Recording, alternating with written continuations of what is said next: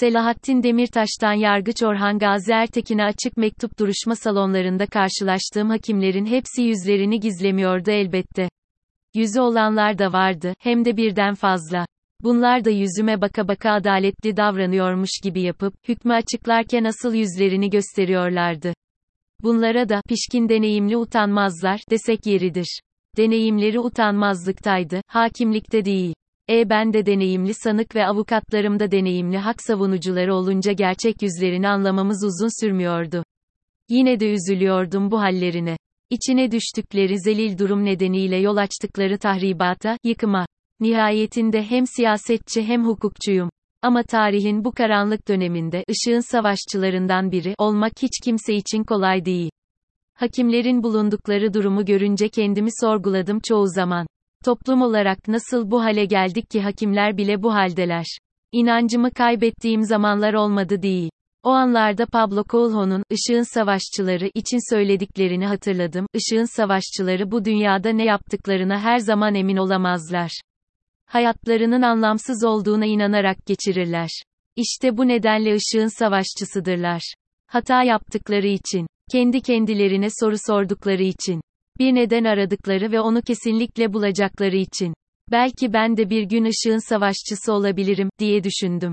Büyük kızım Delal hukuk okumak istiyor bugün görüş günüydü sayın yargıç. Eşim ve kızlarım ziyaretime gelmişlerdi. Büyük kızım Delal seneye üniversite sınavlarına girecek.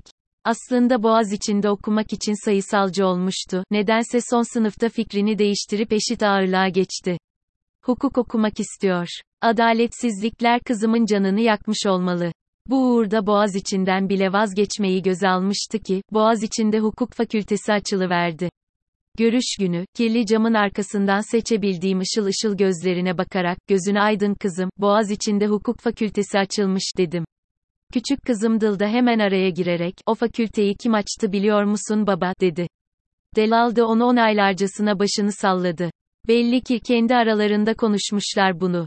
Kayyum rektör açtı galiba, dedim. Kayyum'un açtığı hukuk fakültesine gidilir mi hiç diye sordular. Ağlamak istedim sayın yargıç. O kapalı görüş kabininde doya doya ağlamak istedim. Sevinçten, mutluluktan. Adalet işte böyle yoktan var edilir diye düşündüm, umut doldu içime. Benim kızlarım çoktan bitirmişler hukuk fakültesini.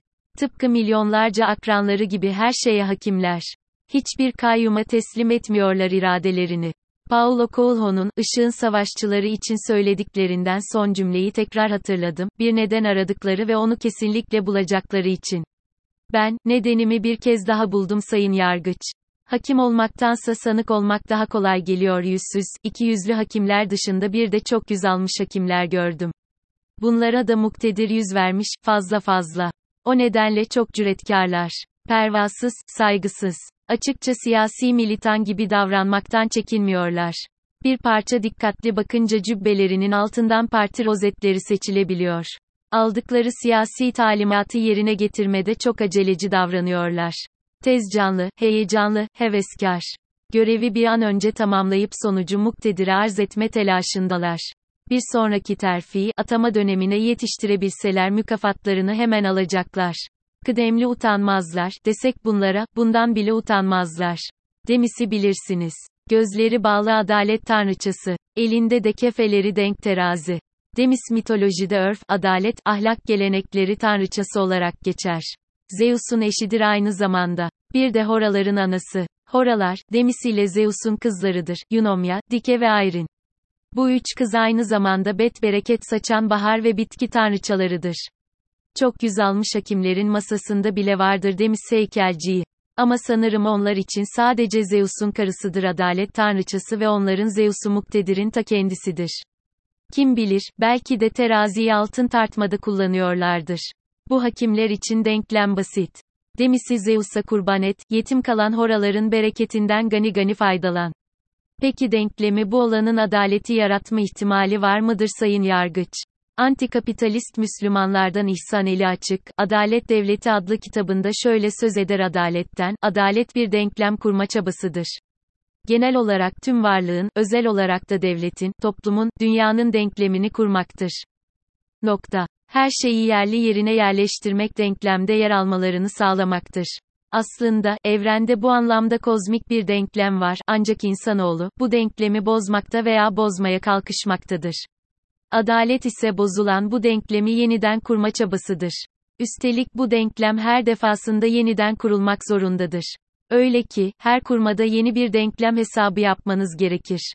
Ne yalan söyleyeyim sayın yargıç, İhsan Hoca'yı okuyunca insana hakim olmaktansa sanık olmak daha kolay geliyor. Zordur hakim olmak, her olayda, her davada, her sanıkta denklemi yeniden kurup bozulmuş adaleti yoktan var etmek, yaratmak. Demis'in terazisinde altın tartanlar kurabilir mi bu denklemi, siz söyleyin sayın yargıç. Uzattım belki. Bulmuşum ya denklem kurmayı bilen hakimi, soru sormak geliyor içimden habire. Başta dedim ya, yemin ettim. Bizde yalan yok, düzgün hakimlere de denk geldim, az da olsalar. Bir tane yüzleri vardı, hep bana baktılar. Aydınlıktı yüzleri, anladık birbirimizi. Tanışmayı başka bir bahara erteledik sessizce. Demis, gözleri bağlı dinledi bizi, kıl kadar şaşmadı terazi. Çok şey söylerim de gerek yok. İşte böyle sayın yargıç.